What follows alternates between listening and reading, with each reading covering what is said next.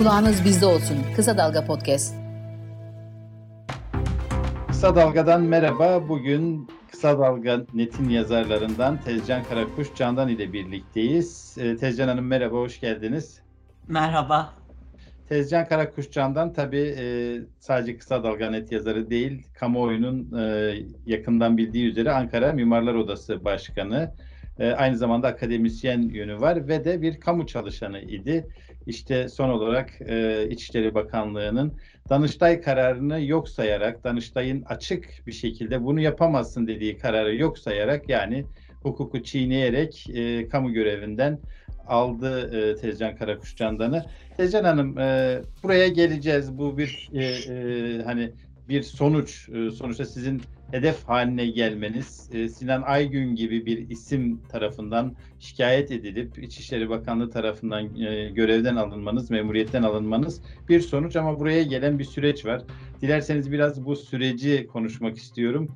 E, kamuoyu ve ben sizi hep aslında bir kent kahramanı olarak e, hatırlıyoruz. E, kente karşı işlenen suçlarla bir amansız mücadeleniz var. Ee, önce bunu köklerine gitmek istiyorum. Siz nerede büyüdünüz, nasıl bir ortamda büyüdünüz ve sizi e, önce mimar olmaya, sonra e, kent yaşamını e, savunmaya yönelten motivasyonlar nelerdi? Biraz onları konuşmak istiyorum. Önce belki büyüdüğünüz çevreyle başlayalım. Nerede büyüdünüz, nasıl bir ortamda büyüdünüz? Yani ben e, Manisa doğumluyum. Hı hı. E, ailem Malatyalı. E, 3 yaşında Ankara'ya gelmişiz. Biliyorsunuz böyle o dönemlerde herkes kendine nerede ekmek bulursa oraya evet, evet. gidiyor. Dolayısıyla 3 yaşında Ankara'ya gelmişiz. Ankara'da büyüdüm ben. Yani e, Manisa'da doğmuşum ama hiç Manisa'yı görmedim. Onun için hep kendimi Ankaralı olarak e, ifade ediyorum. E, dolayısıyla Seyran Bağları'nda bir gece konduda oturduk. O zaman oralar gece konduydu. Bağlar vardı, bahçeler evet. vardı. İşte Kavaklıdere İlkokulu'na gittim. Dolayısıyla Esat çocuğuyum diyebilirim. O bölgeleri çok iyi biliyorum. Dolayısıyla işte Mimar Kemal Lisesi'nde okudum. Yani böyle aşağıya doğru geliyorum merkeze doğru. Tam hep Ankara'nın simgesi olan hani hem mahalle hem okullar evet. ben bir Ankaralı olarak yani Ankara'da yaşayan biri olarak hemen anımsadığım şeyler.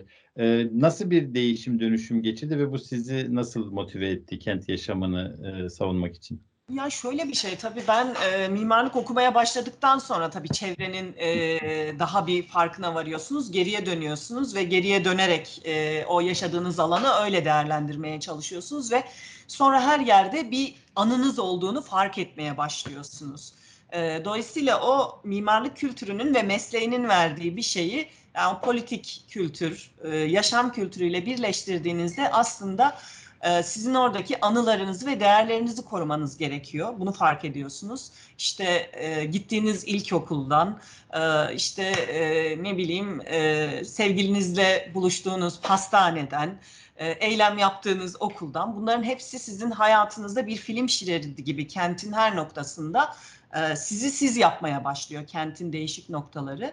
E, dolayısıyla o mimarlık kültürünün verdiği yaklaşımla bunların geleceğe aktarılması gerekiyor. Çünkü kent bir biriktirme alanı, e, ideolojinin mekana yansıma alanı ve onları korumak gerekiyor diye aslında yani eğitimimizden kaynaklı başlayan bir süreçti. Ben yani mimar... aslında mekansal bir şeyden bahsediyoruz, binalardan bahsediyoruz, sokaklardan bahsediyoruz ama aynı zamanda bu e, insanın yaşamının ta kendisi haline gelmiş durumda. Çünkü aslında hani doğal olarak yaşadığımız yer orası ve doğrudan aslında bir yaşamı savunmak değil mi? Kenti savunmak.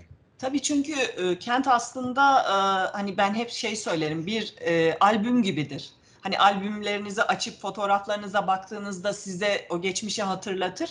Kent de öyledir aslında bir hafıza mekanıdır. İşte şurada buluşmuştuk arkadaşlarımızla, şu okula gitmiştik e, işte ya da bir cumhuriyet değerini gördüğünüzde, bir anıtı gördüğünüzde, işte anıt kabiri gördüğünüzde aslında hep onun arkasındaki şeyi hatırlarsınız. İdeolojiyi, savunduğunu, yaşadıklarınızı hatırlarsınız. O açıdan kent bir hafıza mekanıdır, hatırlatma mekanıdır. E, onlar ortadan kaybolursa albümünüzden bir fotoğraf yırtılmış ve atılmış olur ve siz onu görmediğiniz için bir süre sonra unutursunuz. Aslında iktidarın yapmak istediği de bu. Sizin belleğinizde yer eden mekanları yok ederek aslında sizin hafızanıza doğrudan müdahale ediyor. Çok evet. ideolojik bir e, yaklaşım şeye yani e, herkesin yaklaşımı ideolojik evet. aslında. Kent bir ideoloji mekanı aynı zamanda. Ama biz e, siz ve ben belki şanssız bir kuşağız. Şanssızız çünkü e, iktidar diyoruz 2002'de AKP iktidara geldi ama ondan önce siyasal İslam e, aslında e, 94'ten itibaren Ankara'yı yönetmeye başladı Melih Gökçek'le birlikte. E, ve de e, bu dönem yani siyasal İslam'ın başkente yaklaşımı e, tamamen e, ideolojik oldu ve bu e, ideoloji sanırım e, sizin de e, en önemli bu ideolojik müdahale, kente müdahale de en önemli motivasyonlardan biri olsa gerek. Tabii Mimarlar Odası işte biz öğrenciyken başlayan e, sürecimizde benim Mimarlar Odası ile tanışmam da çok ilginçtir. Güven Park Otopark olmasın kampanyası vardı biz okuldayken. Yani oraya imza atarak başlayan bir Mimarlar Odası hikayem var. E, Dolayısıyla değil mi? Aynı yani okulda. Değil. Gazi Üniversitesi'nde evet e, mimarlık fakültesini bitirdim. Orta Doğu Teknik Üniversitesi'nde yarım kalan bir yüksek lisansım var. Anladım. Ankara Üniversitesi'nde Latin Amerika çalışmalarında yüksek lisansımı tamamladım. Yani böyle değişik okullarda. Ankara'nın belli başlı üniversitelerin evet. hepsine bir temasınız olmuş. Ne var, güzel. evet var. E, dolayısıyla o şey ama e, düşünüş olarak yani ODTÜ ekolüne yakınım. Onu hep söylerler zaten hocalarım da. E, dolayısıyla e, yani Mimarlar Odası'na geldiğimizde zaten o mimarlık kültürü ve kent kültürü, kenti savunma yaklaşımının 1954 yılında kurulan TUMOB'un geleneğinde olduğunu görüyorsunuz ve o gelenek size zaten emanet edilmiş oluyor. Öğrencilikten itibaren bizi yetiştirdiler yani bir kadro politikasının ürünüyüz diyebilirim ben. E, ender yetişenlerden bir tanesi. E, dolayısıyla e, kenti savunmak, onun mekanla, ideolojiyle kurduğu ilişkisini yorumlayarak aslında mücadeleye başladık.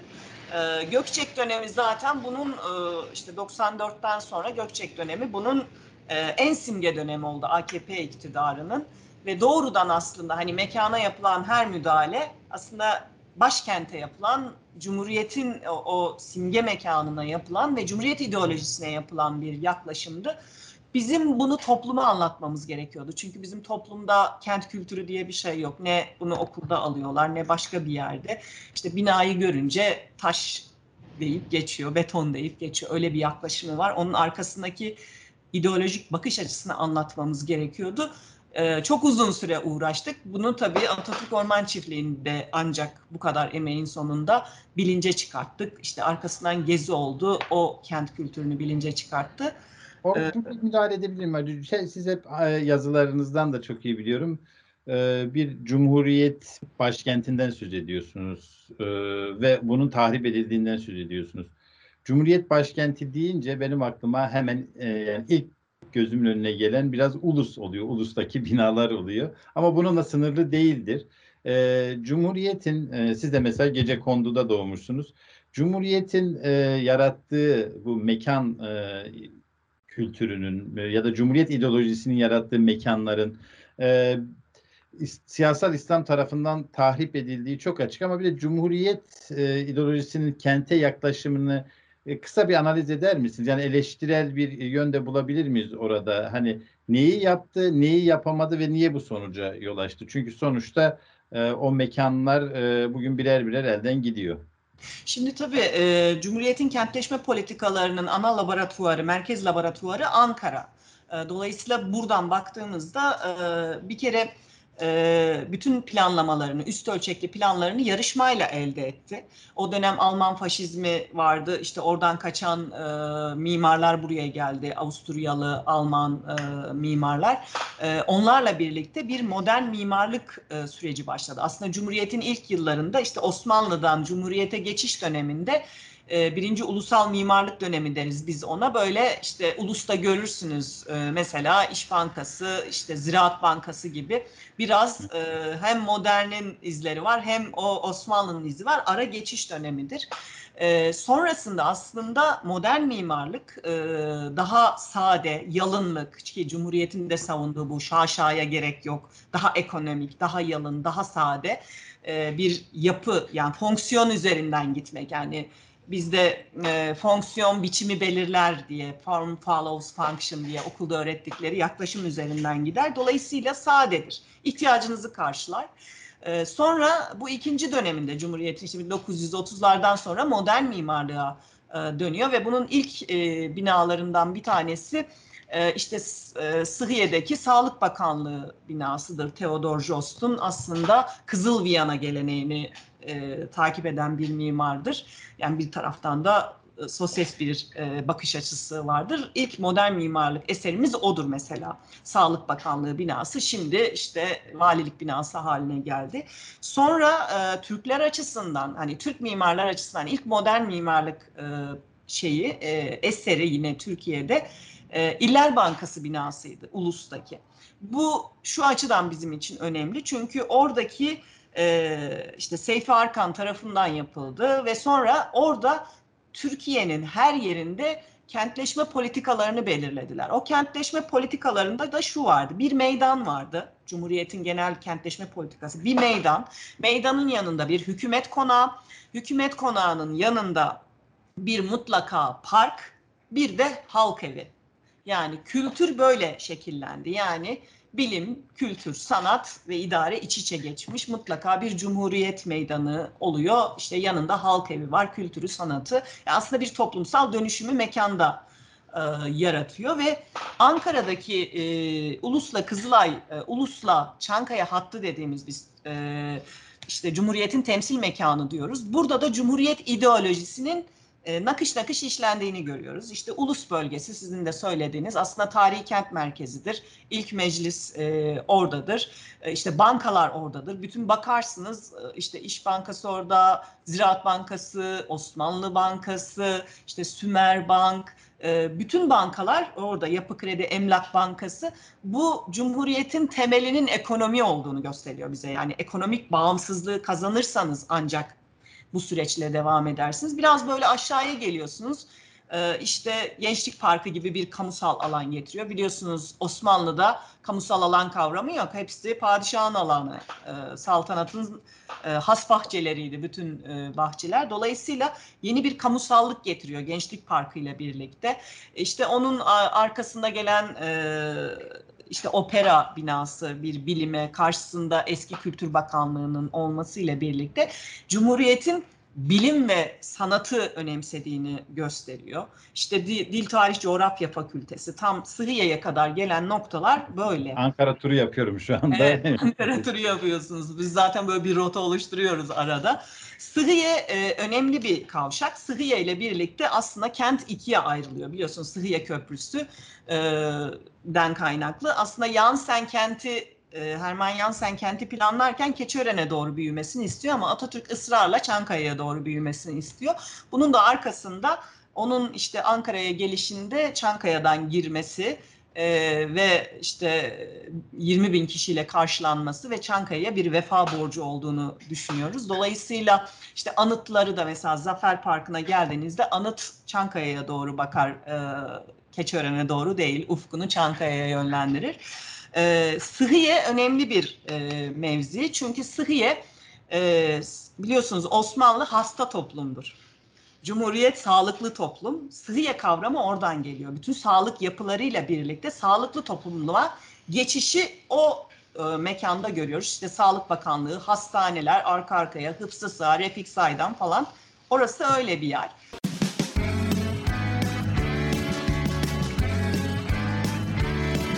Kulağınız bizde olsun. Kısa Dalga Podcast. Sıhhiye Meydanı'nın köşesinde e, ordu evi vardır. Sağlıklı topluma geçişin güvencesi ordudur der. Çünkü Atatürk asker kökenlidir.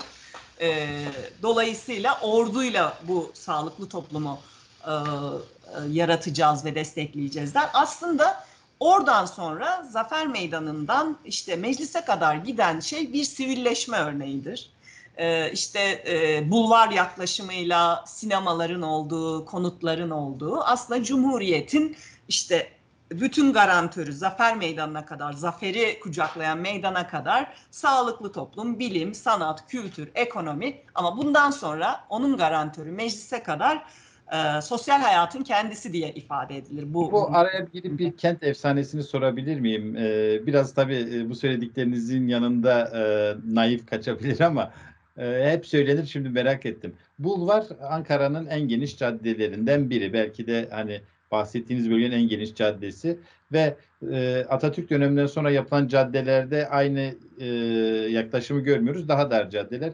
Rivayet odur ki e, hani daha dar e, bir cadde e, yapılacakken Atatürk bunu büyütmüş. E, biz e, ve insanlar o dönem garipsemiş. O öyle bir e, bir kent efsanesi midir bu? Nedir o bulvarın yani genişliği? Şöyle aslında ilk planlama sürecinde çok geniş bulvar kavramı zaten cadde ve bulvar arasında çok büyük bir fark vardır. Cadde ile bulvar aynı şey değil. Bulvar işte Şanzelize gibi yani yaşamın aktığı yer, sosyal yaşantı var orada. Ee, Atatürk Bulvarı'nın da zaten iki geliş, iki gidişi vardır. Ortadaki bugün refüj olarak gördüğümüz sadece ağaçlar ve etrafında betonlar koyulan refüj olarak gördüğümüz yer yürüyüş yoludur. Atla gezinti yoludur. Yani siz Ulus'tan başlayıp Çankaya'ya kadar o aks üzerinde yürüyerek ulaşabilirsiniz. Öyle planlanmış.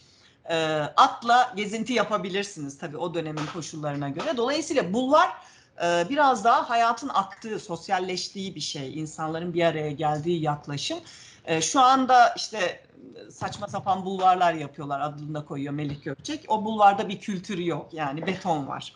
Oysa Atatürk bulvarında bir kültür var. Ee, onun içinde e, işte şeyde e, büyük sinema, büyük çarşı, e, işte sosyal soysal han gibi noktalarda baktığınızda işte şeye kadar Kızılay'a kadar o Güven Park'ın olduğu yere kadar işte Kızılay'da biliyorsunuz Kızılay binası vardı. Onun simgeselliği şudur. Yani bütün bu zaferle elde edilmiş cumhuriyet sosyal yaşantıyla taçlanacak ve artık sizin hizmetinizde diyen sağlıkta, hastalıkta, afette sizin yanınızda olan bir Kızılay var diyor ve karşısında Güven Park var. Yani bize güvenin diyor topluma mekansal olarak diyor ki Cumhuriyete güvenin diyor ve hemen zaten Güven Park'ın arkasından meclise kadar Cumhuriyet'in hizmet binaları, bakanlıklar halkın hizmetindedir diyor. Ve e, mecliste taçlanıyor bu.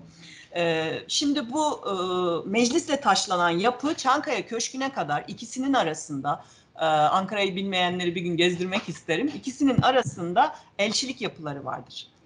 Meclise, ulustan Türkiye Büyük Millet Meclisi'ne kadar olan yer milleti temsil eder mekansal olarak. Türkiye Büyük Millet Meclisi'nden Çankaya'ya kadar giden aks üzerindeki o elçilik ve yabancı misyonların olduğu noktada da devleti temsil eder mekansal olarak. Birisi milleti, birisi devleti temsil eder.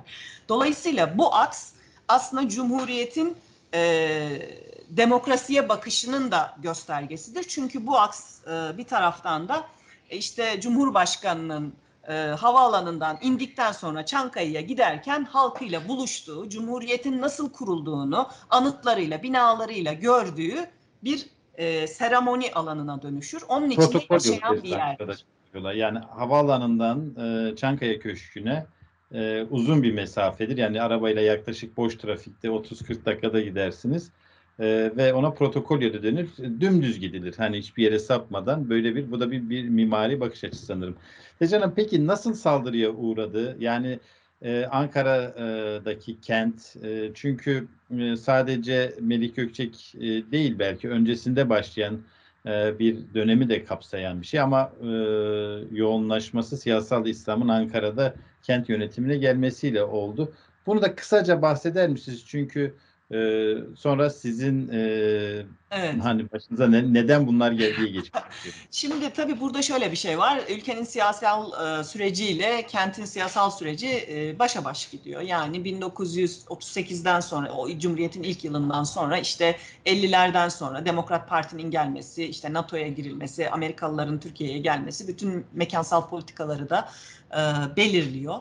E, ama e, tabii AKP iktidarı dönemine kadar da bu protokol yolu e, şeyini koruyor. E, bir kere ağırlığını koruyor. Yani kullanılıyor. Cumhurbaşkanlarıyla orada karşılaşıyoruz. E, bakın Cumhurbaşkanını kentte karşılaştığımız, belediye başkanını sokakta gördüğümüz bir Ankara'dan bugün geldiğimiz nokta bu aks artık kullanılmaz durumda. Çankaya Köşkü yerine Kaçak Saray yapıldığı için aks öldü. Bütün bu binaların işte İller Bankası binası yıkıldı, Etibank binası yıkıldı. Bu aksı e, giderek dejenere etmeye başladılar ve e, işte politik e, bakış açısıyla da halktan koptular. Çünkü Atatürk Bulvarı siyasetin halkla buluşma bulvarıydı birbirini gördüğü bir şeydi. Temizdi, bakılıyordu. Çünkü Cumhurbaşkanı oradan geçiyordu, bütün protokol oradan geçiyordu. Yaşayan bir yerdi. Dolayısıyla Kaçak Saray'a gidince aks e, alt üst oldu. Rejim zaten hani e, Gökçek dönemi rejimle hesaplaştı. Bütün e, o dönemin yapılarını yıktı, su süzgeci binası yıkıldı. Cumhuriyet döneminin bütün özgün yapılarını yıktı ve biz onlara karşı mücadele ettik. Hem bir kültür varlığı değeri olarak hem Cumhuriyet'in ideolojik yaklaşımı olarak. E, işte Bunlar sana... ne yaptığı şeylerin hani o e, getirdikleri e, mimari tarzı nasıl tanımlarsınız? Çünkü e, hani yerli ve milli olma iddiasındalar ama e, hani çıplak gözle de bile bir yere koyamadığınız bir ucubelik var. Evet yani ona işte böyle Selçuklu Osmanlı karışımı bir mimari e, dediler. Aslında o şeyi belirliyordu. Yani nasıl bir sürece doğru gidileceğini belirliyordu. Aslında e, bu haftada şeyde de yazdım. Kısa Dalga'da da e, yazdım. E, işte adalet yapıları üzerinden anlatmıştım. Aynı şey yani bu TOKİ'lere müdahale ettiler. Sonra işte okullara müdahale ettiler. E, yargı, e, adliye yapılarına, e, işte hükümet konaklarına ve en son Kaçak Saray'a kadar giden bir e, süreç yaşandı. Dolayısıyla bu Selçuklu Osmanlı aslında Türk İslam sentezi 12 Eylül'den sonra böyle hayatımızın bir parçası olmuştu. E, bu e, AKP döneminde de Selçuklu Osmanlı mimarisi denilen bir böyle neydi belirsiz bir anlamsız mimari e, şekillendi. Bu da tabii içindeki şeylere de e, neden oldu. Tabii biz bunun siyasal bir süreç olduğunu ve rejimi doğrudan hedef aldığını erken uyarı sistemi gibi mimarlar bunu görüyorlar mekandan. Dolayısıyla topluma bunu anlatmaya çalıştık. Yani hani üstünüze bir çığ geliyor. E, bu anlatmaya çalışıyorsunuz. Toplumun bunu anlayabilecek potansiyeli yok. Çünkü bir kent kültürü yok. Dolayısıyla biz kendimizi o çığın önüne attık. Patenaj yaptırmaya başladık bir taraftan. Bir taraftan da topluma anlatmaya çalıştık. Anlattığımız bu nokta Atatürk Orman Çiftliği'nde bilince çıktı ve artık hani e, bir kent te yaklaşıp kent hakkı kavramı ortaya çıktı.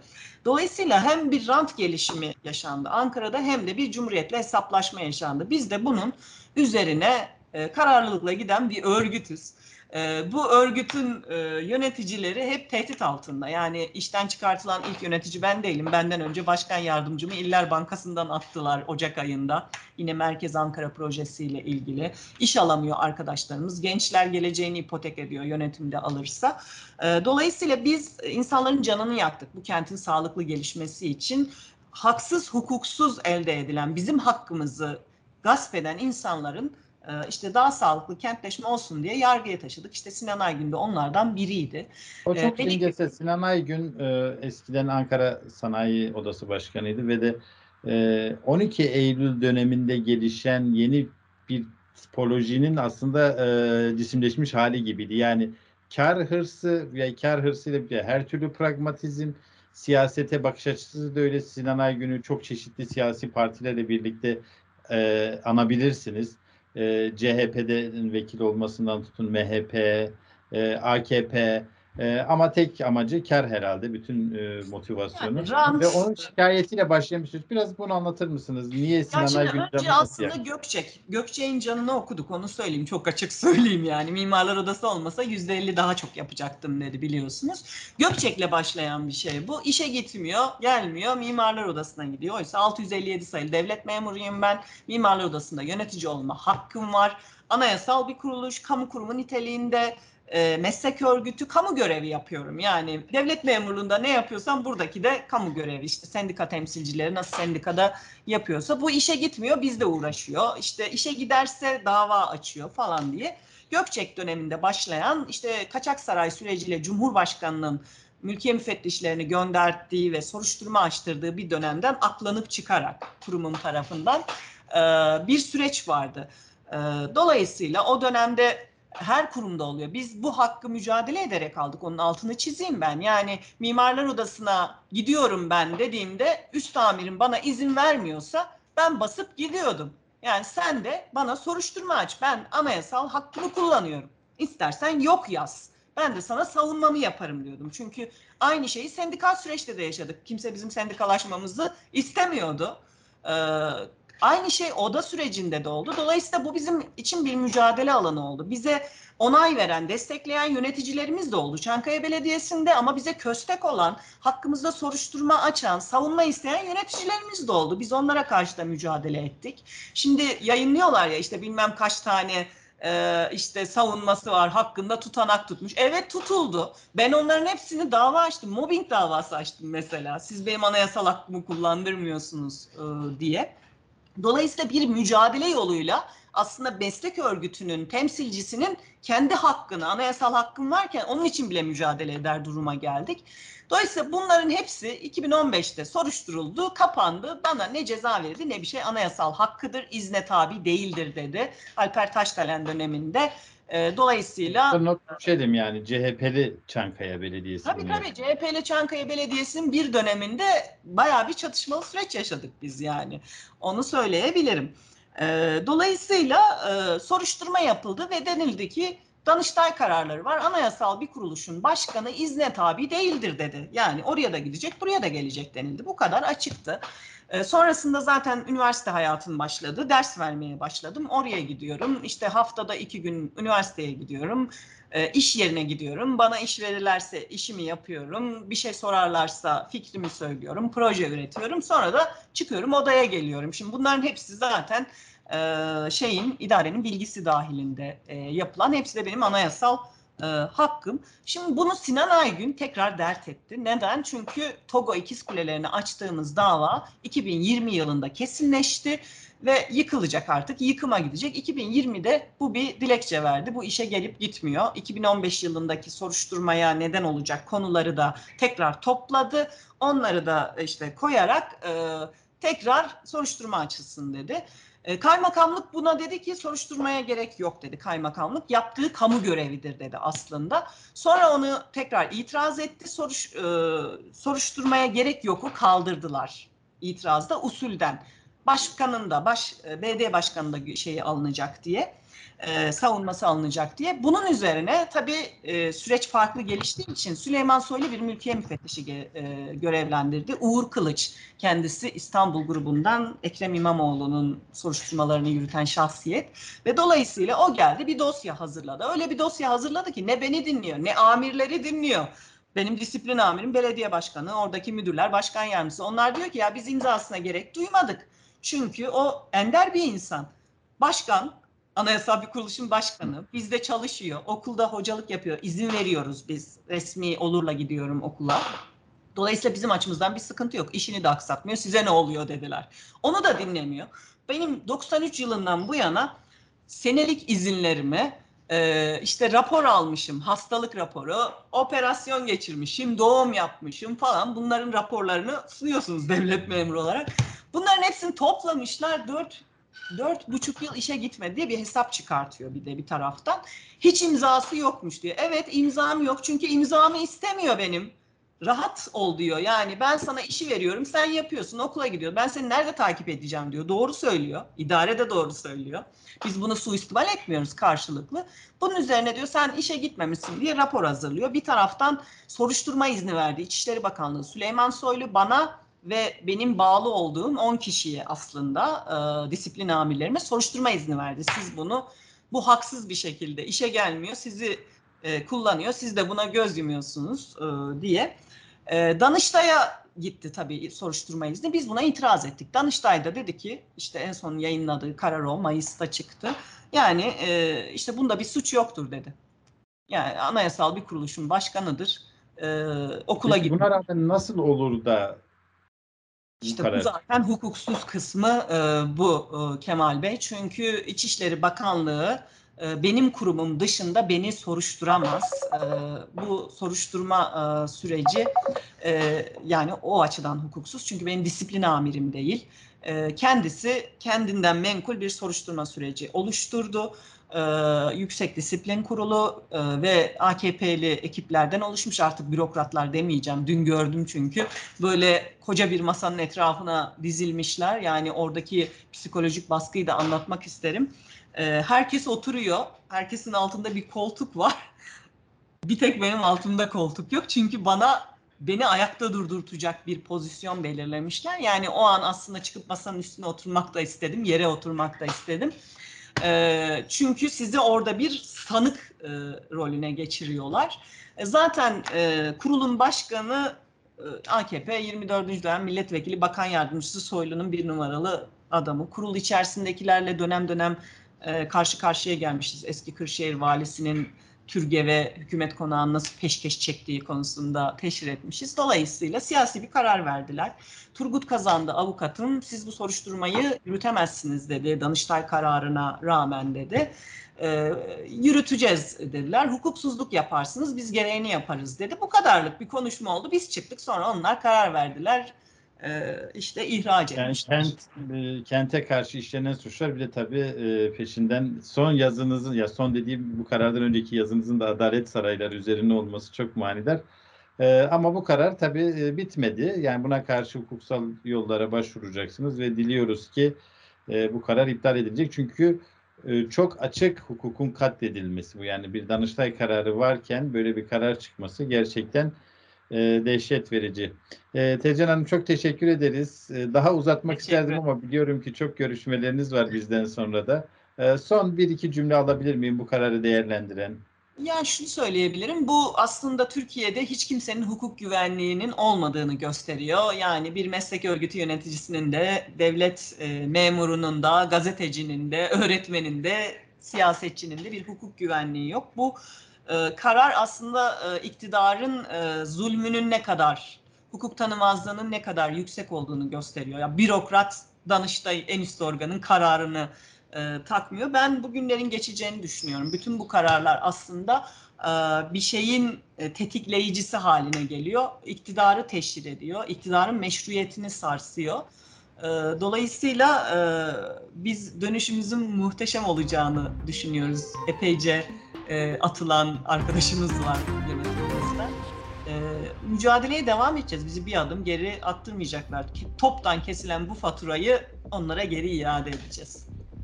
Çok teşekkürler Tezcan Hanım zaman ayırdığınız için. Geçmiş olsun diliyorum. Çok sağ olun.